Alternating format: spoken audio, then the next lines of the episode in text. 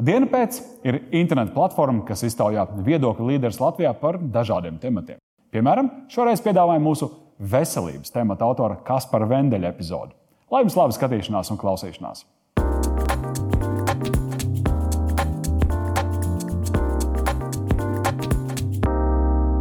Kuģi nosauksi, tā tas peldēs. Līdzīgi ir ar seksu.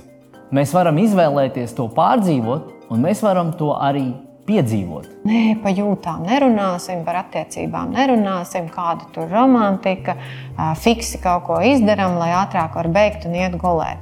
Un mēs būtībā turam viens otru tādā nu, stāvoklī, kur mēs sekojam it kā jau savai gribai. Es tajā brīdī negribu runāt, tu tajā brīdī negribi pieskarties.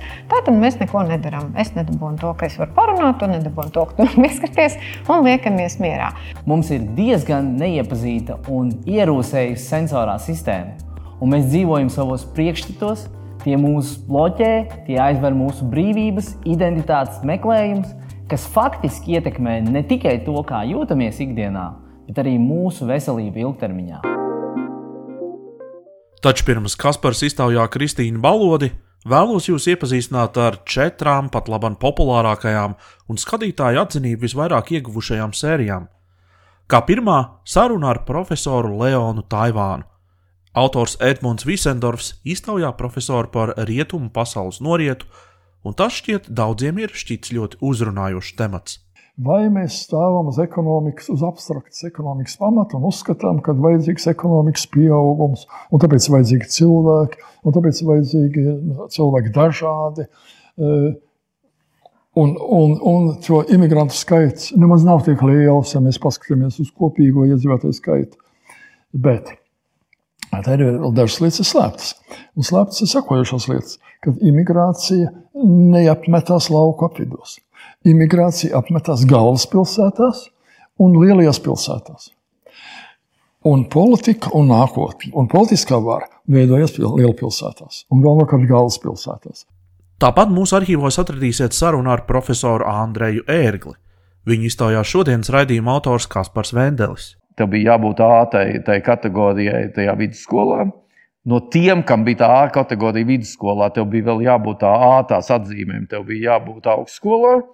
Un tad, ja tu gribēji vēl labā vietā, tik tev bija vēl jābūt tajā.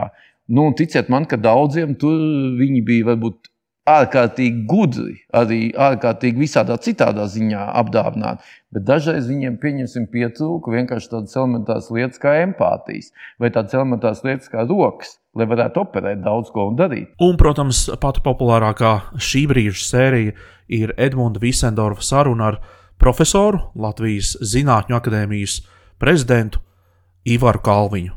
Mums jau pagaidām nav citas izvēles. Mēs uh, gribam savakcinēties, jo Neskatoties uz to, ka tam vienam no 200 tūkstošiem vai vienam no 100 tūkstošiem rodās pat letālas ja, e, sekas Jā. ja, tai vakcinācijai, nu, tas e, tomēr ir, nu, ja mēs tā rēķinātu uz mūsu populāciju, 1,8 miljoniem, jums tad būtu uh, e, 18 vai 36 cilvēki, ja jūs visus novakcinēsiet, kuriem parādīsies šī bīstamā blakne, kas var viņus novest kapā.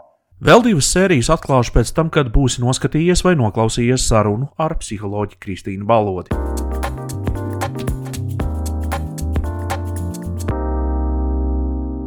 Um, protams, ka rietumu pasaulē ārkārtīgi daudz dzīvo prātā un emocijās, un man liekas, katrs mēs to piedzīvojam, ka būtībā mēs par to vien tik runājam. Uh, um, ko es par to domāju un kā es par to jūtos. Un ļoti maz mēs uzdodam jautājumus, kā es to sajūtu, kas ir tās sajūtas, patiešām, kā mani maņu orgāni tver šo realitāti un ko viņi man signalizē.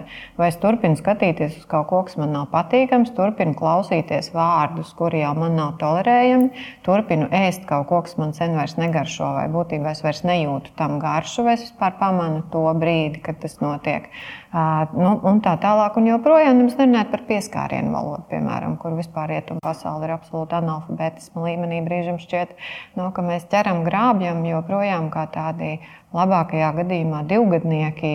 Galvenais atņemt otram un lai man uh, tiek. Bet uh, nav tādas empātijas, kur var izkopt tikai vispār pamanot, kā es to daru. Kā es pieskaros cilvēkiem, kā cilvēki pieskarās man, kā es pati sev pieskaros, kā otrs sev pieskarās, vai tur veidojās kaut kādi novērojumi, kaut kādi secinājumi. Lielākoties nē. Mums ir diezgan neiepazīta sensorā sistēma, lai kā mums liktos, ka visā ārējā realitāte mums balstās vienos, vienos kairinājumos. Bet, Pārsvarā tas nebūtu tā nav. Mēs dzīvojam savā ierastās domās un, un priekšstatos. Mm -hmm. Bet, nu, tad, piemēram, tā pati seksualitāte. Ja? Uh, tu esi teikusi vairāk kārt, ka šī seksualitāte, nu, un mēs varam arī daudz citas jomas šādā pašā plāksnē noreducēt, balstās trijos lielajos pīlāros. Ja? Tas, tas būtu tas fizioloģiskais, bioloģiskais, kas ir tas mūsu ķermeniskais, kā ir uzbūvēts visas sistēmas.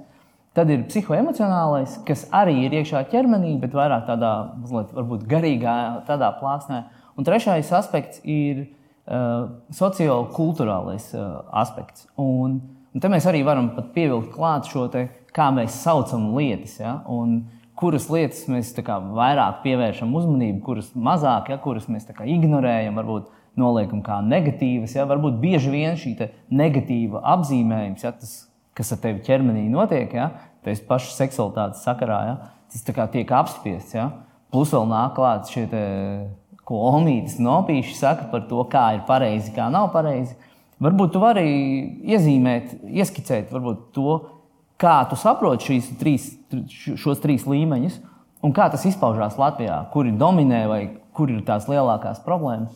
Oh, es teiktu, ar pašu seksualitātes jēdzienu mums ir milzīgas problēmas, jo būtībā viņš mums taisnvirzienā aiziet uz seksu, un seksa taisnvirzienā aiziet uz dzimumu aktu. To mēs ļoti labi, piemēram, izjūtam arī šobrīd ap, visu, ap visām debatēm par un ap seksuālo orientāciju. Būtībā kuram ar kuru var būt dzimuma akts, jeb kaut kāda penetratīva darbība. Un ar, uz to mēs noreducējam seksualitāti un sākam viņu regulēt ar likumiem un ar visu kaut ko kas brīžam šķiet, ka mon, vispār par ko mēs šeit darbojamies. Nu, par ko, ko mēs tagad regulēsim pieaugušu cilvēku vidē? Nu jā, es teiktu, ka vispirms pirms šiem līmeņiem ir tiešām svarīgi saprast pašu seksualitātes jēdzienu. Nu, kas būtībā ir vispirms mēs katrs piedzimstam ar kaut kādiem fizioloģiskajiem dotumiem. Tas nozīmē, ka es piedzimstu ar reproduktīvo sistēmu vairāk vīrišķi vai sievišķi orientēta, bet tur noteikti būs nu, diezgan skaidras iezīmes ar kaut kādu hormonālu fonu un ar kaut kādu chromosomu salikumu. Un tikai pēc tam, un tas ir tas, ar ko es ļoti bieži saskaros savā darba kabinetā, kad es varu identificēt sevi kaut ar bērnu ceļa malā Man neviens to mūsdienās nevar liekt, un manuprāt, tā ir brīnišķīga ziņa, ka mēs varam pieņemt šādu lēmumu par sevi un mainīt viņu kaut katru dienu, ja mums tā patīk. Ko mēs tam citu arī redzam? Ko ja? mēs arī ļoti brīnišķīgi redzam jaunajā paudzē, cik, cik radoši viņi eksperimentē šobrīd ar identitātēm. Būtībā piedzīvo brīvību, ko vispār nozīmē izvēlēties, radīt savu identitāti, bet Tā pašā laikā tas jau neizslēdz to, ka es tomēr sevi piedzīvoju kaut kādā ķermeniskā dotumā. Un tas ķermeniskais dotums tomēr paredz to, ka man būs vai nu olītes, vai nu sēklinieki, iespējams, gan viens, gan otrs. Gan, nu, tur var būt vienmēr arī, arī kaut kādas. Um, ekskluzīvas īpatnības vai netik bieži sastopamas īpatnības, kā mums katram organismā, ja mēs vairāk sevi esam pētījuši, kādam tur asinsvads netur aiziet, kādam. Nu, mēs esam ārkārtīgi unikāli. Tas, ko mēs gribam izdarīt ar seksualitāti, Pirmkārt, arī fizioloģiskā ziņā mēs gribam visus ielikt tajā rozā un zilā kastītē. Tagad mums ir tie vīrieši un ir tās sievietes, un tad nes kāpēc ir tam jāpiemeklē kaut kāda ārēja uzvedības modeļi, kuri tad definēs to, kā tai fizioloģijai vajadzētu kalpot. Un tas, ko mēs redzam, ka viņi izrādās tā nekalpo. Viņai ir pilnīgi vienalga, man ir mugurā rozā krekls vai zils, man tik un tā var būt iekaisumi, ja es nu, ne to ēdu, ne tā sevi aprūpēju, ne, ne tādā veidā funkcionēju, ne tādu dzīvesveidu piekopu apkopju vai, piemēram, pēc ovulācijas pārslogoju sevi fiziski trenižera zālēs, skriešanās, maratonu treniņos un tur vēl kaut kur, vēl, vēl kaut kur un brīnos, kāpēc man nav menstruācijas. Regulāras, normālas, bez premenstruālā sindroma, ar izteiksmīgām sāpēm, iespējams arī galvas sāpēm, sliktu dušu, nevarēšanu piecelties no gultas, vājumu un tā tālāk un joprojām. Fizioloģijai ir nozīme, un manuprāt, nu, tas ir tas, kur mēs reizēm aizejam kaut kur tajā sašaurinājumā, pilnīgi priekšlaicīgi un aizmirstam izglītoties un iedziļināties, kad pirms mēs pat definējam savu mentālo identitāti, vai lai kā mēs viņu mēģinātu saukt. Mums ir jātiek skaidrībā, kādā fizioloģijā viņi būs spiesti piedzīvot. Es, es to saucu par to, ka kā tu vari iedarbināt savu prātu, ja tev ir akmentiņš kurpē. Ja? Un, ja tev ir akmentiņš kurpē, visas tavas domas ir pie tā akmentiņa. Un tas pēc būtības tikai parāda to, cik ļoti svarīgi ir tas, tas nu, fiziskā plāksnē, lai tur vispirms ir kārtībā, lai mēs izprotam, kā tas viss notiek. Jā, jo tad mēs varam vadīt to tālāk, un tad būtībā es to jebkādu identitāti kādu es jau gribu, iespējams, pati piedzīvot priekš sevis, eksponēt uz ārpusi. Es varēšu viņu saturēt, un varēšu viņu saturēt, un vadīt un aprūpēt arī ilgtermiņā. Nu, piedzīvot būtībā to savu ilgtermiņa identitāti, nevis mirklīgo. Tad ir nākošais aspekts, kas ir komunikācijas aspekts. Un tātad šis būtu identitātes aspekts, fizioloģija plus mana definētā identitāte. Un tad ir komunikācijas aspekts, kas ir orientācija. Un tas, ko mēs mūsdienās redzam, mēs vairs nerunājam par orientāciju tādā šaurā izpratnē, kurš kuram kuru dzimumu orgānu kur ievieto. Nu, cerams, ka centas ir pagātnē. Mēs šobrīd domājam to, ko mēs novērojam un redzam. Cilvēki iemīlās, cilvēki iekāro un cilvēki jūt intelektuālu tuvību ar cilvēkiem vairāk nekā ar vienu dzīves laikā. Noteikti tas mainīsies arī. Ko, ar ko mēs gribēsim piedzīvot ļoti subjektīvu um, iemeslu dēļ, un reizēm arī konteksta dēļ, kāda vispār būs iespēja. Un to mēs esam ļoti, es pat teiktu, spilgti spējuši novērot jebkādās vidēs, kur tiek dzimumi strikti dalīti. Kad izrādās tā mūsu orientācija absolūti nebūtu. Nav kaut kāds tāds eh, statisks lielums, kas dzīves, kā es tādu piedzimu, tā es tādu nomiršu. Nē, ka viņa mums ļauj socializēties, viņa nodrošina mūsu komunikāciju funkcionēšanu ilgtermiņā, pielāgojoties jebkuriem apstākļiem, jo cilvēks ir organisms, kurš pielāgojās apstākļiem. Ļoti fleksibli patiesībā pielāgojas, ja viņam nestājas ceļā un tur kaut kādā mērā nesāk izdomāt ar prātu, kā viņam vajadzētu. Viņš ir dzīvotspējīgs organisms. Un tad mēs redzam, ka, piemēram, tādas romantiskākās attiecības mēs esam mūsdienās pieraduši domāt, ka tās būtu tās partnerattiecības. Nebūt nē. Tik daudz varoņu darbu, kā cilvēki ir veikuši pasaules vēsturē draudzības dēļ, lekuši draugu dēļ, tur es nezinu, no kurienes no gultām ārā naktas vidū, jo tad džeks ir piedzēries, vajag viņu vest mājās no tā kluba, kur viņš tur mētājās. Vai draudzene kāds ir pametis, man ir jāklausās, nu, kurš tā uzvedās partnerattiecībās. Pēc pāris gadiem jau ir tāds slinkums, ka labi, ka tu atceries, kas tur vēl vispār notiek piekās tam otram, aizmirst viņam jau paprasīt, kad viņš iet uz darbu un kad nāk mājās. To mēs negribam redzēt savā heteronormatīvajā domāšanā, kā tagad pieklātos tās partnerattiecības redzēt kā kaut kādu tādu e, īpašu aspektu.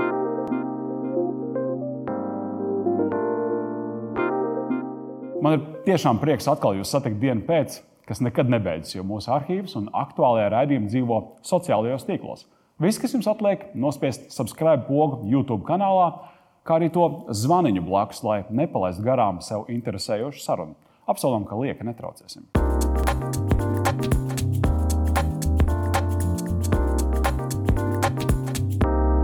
Kā meklēt ceļu pie savas seksualitātes un kā nekautrēties vispirms pašam ar sevi par to runāt. Tāpat arī, kas ir seksuālā krāpšana un kas tā nav. Skaties raidījuma turpinājumā, kur izjautāšu psiholoģiju un seksualitātes pētnieci Kristīnu Balodi. Šo es arī šķiet, kaut kur biju dzirdējis eh, tevi stāstām par to, ka nu, īpaši vīriešiem ja, šī, šī ir ļoti izplatīta lieta, ka uh, seks vai nu, teiksim, šajā gadījumā tas dzimuma akts vai varbūt pat uh, pašapmierināšanās ir ar vienu galveno mērķi, uh, lai izlādētos. Un, un te, protams, arī mēs aizējām projām no tā, ka tā seksualitāte, sākot no tā, ka tā var būt radošā enerģija, beidzot ar to, ka ka mums, kā sociālām būtnēm, ir ārkārtīgi svarīgs šis kontakts, fiziskais kontakts. Un ka, ka tā seksualitāte jau var būt nu, spektrā. Viņa var būt no, no pilnīgas augstuma un atsvešinātības, pa vidu tur ir kaut kāda vienkārši smaidi, tad ir kaut kur pieskārieni, līdz tas beidzās viss līdz kaut kādai pilnīgai ciešai tuvībai.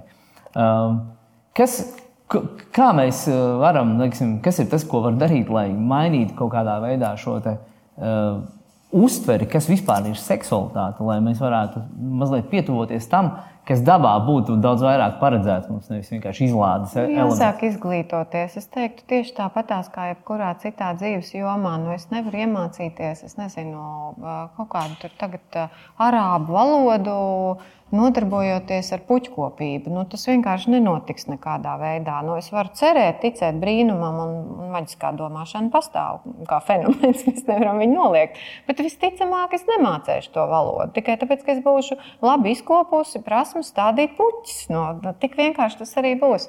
Lai mēs kaut ko saprastu, kaut kādā jomā ir jāmācās, ir jāizglītojās. Un, un tas varbūt šobrīd ir tāds lielākais izaicinājums, kad problemātika jau nav vairs tik daudz ar bērniem, jo bērni dzīvo informācijas laikmetā. Un būtībā kopš ir pastiprinājusies pētniecība ap un par cilvēku seksualitāti, viņi tiešām pēdējā laikā sāk zelt un plaukt un radās arvien jaunas izglītības struktūras, kuras nodarbojās ar seksuālās izglītības piedāvāšanu gan individuālā, gan arī mācību spēku sagatavošanas un, un pētniecības līmenī. Tad, protams, mēs iegūstam ļoti daudz jaunas informācijas, bet, piemēram, tur ir tas lielais jautājums, kur tā informācija paliek, vai viņa nonāk līdz mums. Vai viņi nonāk vispār līdz mums? Un, ja mēs paskatāmies tādu vidēju aritmētisko Latvijas iedzīvotāju, kāda viņam vispār ir nojausma, kur to informāciju meklēt, izņemot pornosaitu, protams, kas būtu uzticamākais no avotiem. Vai viņam ienāk prātā vispār nezinu, lasīt pētījumus, pirkt izglītojošu literatūru, iet uz semināriem, tieši tāpat kā jebkurā citā dzīves jomā notiktu apmācību process. Vai tad, kad man ar partneri ir reāla, aseksuāla, nu, pieņemsim, attiecība kaut kāda fāze jau ilgstoši, un viens no mums jau reāli mirst badā. Un tas nav vairs runa par to, ka, ko tu nevari paciesties, ko tev tik bieži vajag. Mums ir cita saziņas kultūra, vai tur vēl kaut kas, ko cilvēki neizdomā, lai attaisnotu savu nezināšanu, nedrošību, bailes, nevarēšanu, disfunkciju un vēl kaut ko. Mēs jebkam noticēsim tikai, lai neatvērtu šo jautājumu, kas patiesībā nezinu, ko ar to darīt. Kad tiklīdz tie impulsi, kas ir pirmo gadu impulsi, izslēdzās, un es vairs neredzu to partneri. Nu, kā kaut ko, ap ko es nepārtraukti jūtu, ārkārtīgi milzīgu kaisli vai vēlmi pieskarties, vai, vai nu, nav tur man viņš vairs nekāds uh, supermenis no rīta līdz vakaram, uh, kurā katrs smaids man dara laimīgu. Nu, nav. Uh, ko es ar to daru?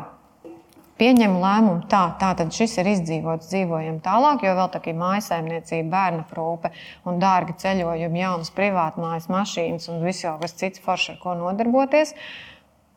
Vai tomēr, nezinu, sāk kaut kas iekaist, sāpēt, radīt diskomfortu, arī psihoemocionālu un arī sociālu. Jo, ja es lī, dzīvoju ilgstoši uh, liegumā, es jau arī nekomunicēju uz ārpusi. Nu, vismaz nepieklātos, jo tā ir krāpšana. Tas ir vēl viens milzīgs topiks. Es nedrīkstu neko darīt iekšpusē, jo tur nav pieejas, bet nedrīkst neko darīt arī ārpusē, jo tas atkal nav, nav pieklājīgi. Tāpēc es tur sēžu tajā badā, jūtos vainīgi par katru savu ārējo darbību. Bet tas, kas ar mani reāli notiek, kas ir daudz bīstamāk par tām manām morālajām kategorijām, ir tas, ka man atslābst prasmes. Un tad, kad, piemēram, beidzot partneri pieņem lēmumu, ok, labi, mēs šo nerisināsim, bet ilgāk arī nevilksim un šķirsimies. Es saprotu, ka es ietu Tinderī, un man tur ir tāda komunikācija, no kuras man mati stāvus. Nu, pieņemsim, manos 40, 45 gados, jo viņi ir tādā dinamikā, tādā tiešumā, tādā ātrumā tik uh, bez konteksta attiecības, ilgtermiņā, laulība. Kur, jā, nu, jā. Nu, ko es vairs tur māku? Tur ir trauma, traumas galā, nedrošība, nedrošības galā. Un mēs tagad traumējam sevi vēlreiz. Es, piemēram, ļoti daudz, īpaši senāk esmu runājis par uzturu, par to, kas ir veselīgs uzturs. Un, un tiešām nu, cilvēki vienmēr jautā, nu, pasaki, kur ir tā diēta, ja? un tad es to darīšu. Ja? Vai brokoļi ir jāēd, vai nav, kuri, kuri produkti ir tie labie. Un es, protams, saku, nu, nav tāda, nu, nevar iedot neko tam līdzīgu. Jo pirmkārt, diviem cilvēkiem nestrādās viena un tā pati. Tev nestrādās šogad un nākošais gads viena un tā pati diēta, jo mēs esam visu laiku nemitīgā transformācijā un visu laiku mainamies. Un šis droši vien ir nu, priekš manis tagad arī klausoties ir tāda fantastiska atziņa arī, ka, ka mums ir jāuztver savas dzīve ka mēs apzināti, un vārds apzināti arī tika pieminēts vairāk kārt, mēs apzināti piedalāmies šajā transformācijā. Un nevis ļaujam tam notikt pašai par sevi, un tad nesaprotam, kas tikko ar mums notika. Ja? Man liekas, tikko bija tā, tagad jau ir tā, un, un, un, un zaudē, zaudē kontrolas sajūta, un viss ir slikti. Tad šis man liekas tāds ļoti interesants. Um, bet vēl tomēr uh, par to krāpšanu gribēju uzprasīt. Jā, nu, pirmais, kas man liekas, ir ļoti būtiski, ka mēs krāpšanu skatītos kā vispārēju fenomenu, nevis to seksuālo krāpšanu izdalītu kā kaut kādu autonomu, pašu par sevi pastāvošu. Jo iespējams man vienkārši patīk krāpt pēc būtības. Kādam kaut ko izvilkt no kabatas, aiziet no bāra ar glāzīti kabatā vai, vai no drauga ar, ar, ar pildspāvu kaut kur. Nu, varbūt man vienkārši patīk šādi uzvesties.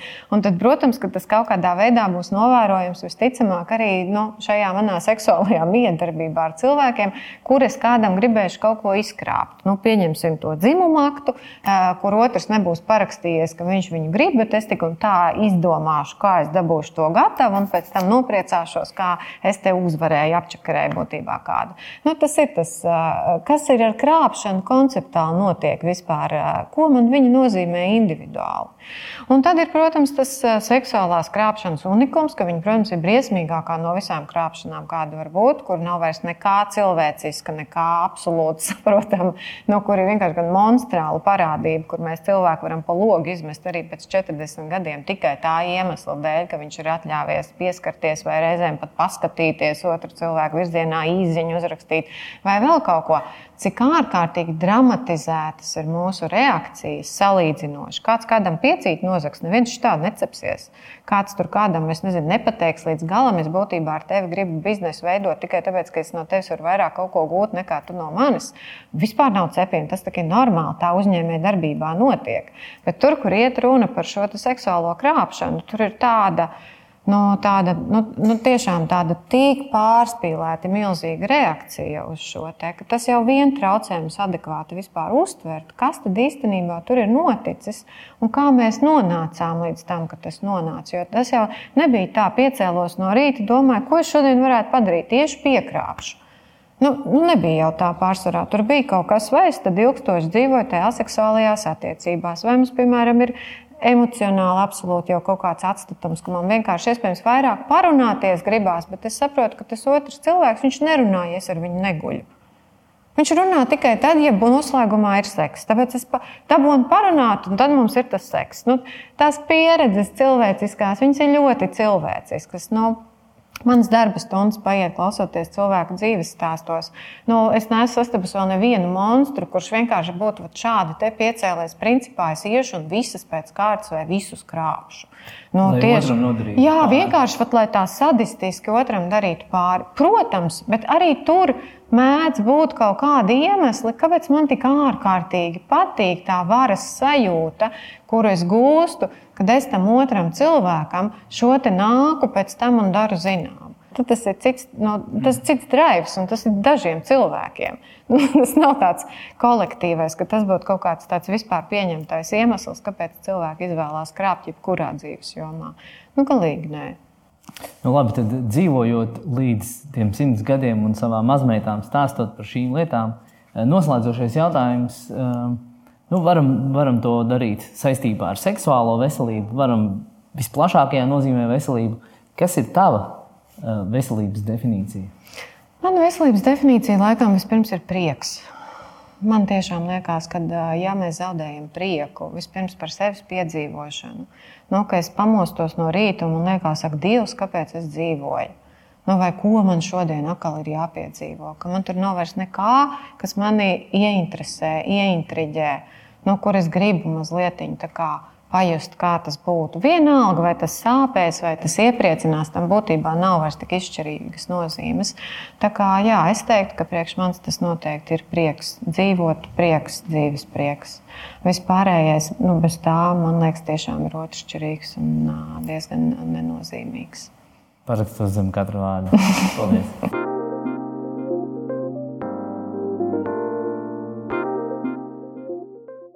Viena no atziņām, kas man liekas tā fundamentālā, ir tā, ka mēs esam mainīgi, Mēs visu laiku mainamies, ar mums notiek transformācijas. Gribam mēs to vai nē. Un šajā ziņā mēs, atšķirībā no citiem dzīvniekiem, esam apzināti un mēs varam piedzīvot šo transformāciju ļoti apzināti un nodoties tam. Un līdz ar to atzīt, kad mūsos notiek izmaiņas, un dzīvot līdzi šīm izmaiņām, cienīt to un dzīvot saskaņā ar dabas likumiem. Un jo labāk mēs tā dzīvosim, būs tieši tā, kā arī Kristīna pašā beigās teica, ar prieku. Diena pēc arhīvām meklējumas vairāk nekā 200 dažādu sarunu. Starp populārākajām noteikti jāmin arī saruna ar tautā iemīļoto TV seju Baibu Sipenieci Gavari. Mūsu mentalitāte ir tāda, ka mēs tā kā mazliet sevi bremzējam. Mums liekas, labāk, lai manis ir mazāk nekā paliek pāri. Tāda ir mūsu tā mentalitāte. Un tur neko nevar izdarīt. Un nevajag arī mm, aizmirst to, ka mums taču mm, mūsu labākie gēni tika izkauti. Nu, tā kā nu, reāli izkauti, nu, kā visi inteliģenti, nogalināti vai izsūtīti. Un viss mēs tikai tagad lēnām, lēnām ceļamies nu, atkal kā fēniksi no pelniem. Ja? Tā kā To nevajag aizmirst. Nu, tā kā lūdzu, nevajag aizmirst. Ja? Starp raidījumiem, kurus mūsu skatītāji un klausītāji ir novērtējuši visaugstāk, noteikti izceļams ir arī, kā viņš pats sev mēdz dēvēt, radio SVH Fredosaurus Reks jeb Andris Freidenfelds. Džeks lidostā Losandželosā. Mēs tur kaut ko nevarējām atrast, prasījām. Viss momentāli stand-up komēdija sākās. Jau, viņš uzprasīja, no kurienes mēs esam labi nostādītā amerikāņu. Našvils vai kaut kādā vidus, kauboja, tādā baritonā. Viņš pat paprasīja, no kurienes mēs esam. Mēs atbildējām, ka mēs no Latvijas. Un tad viņš jau teica, ah, viņam pirmā sieva bijusi no Latvijas. Tas nu, joks, jā, loģiski. Viņam tādi joki ir, un tas viss tik labi nāk, mums ja tā nemāk. Viņi, tā smuka. Un tas ir lidostas žeks, kas ar ratiņiem staigāja. Tāds jau gadu pirms pensijas gados. Nu, amerikāņiem jā. izbauda to komunikāciju. Jā, viņi izbauda. Viņš visu laiku tā jau uzturās, cilvēku miljoni iet cauri katru dienu tajā lidostā. Viņš priecīgs, ka viņam kāds pajautāja. Jā, un tur tajā vidū viņš vēl ir priecājās par katru komunikācijas iespēju. Mūsējiem jau kaut ko uzsprast, nu, ko mēs dzirdam. Nu,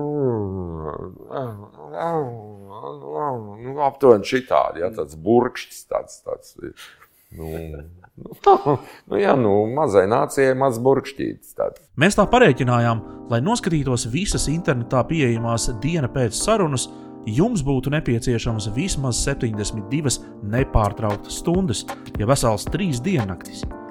Vienīgi pa to laiku klāt jau būs pienākušas vismaz vēl divas sērijas.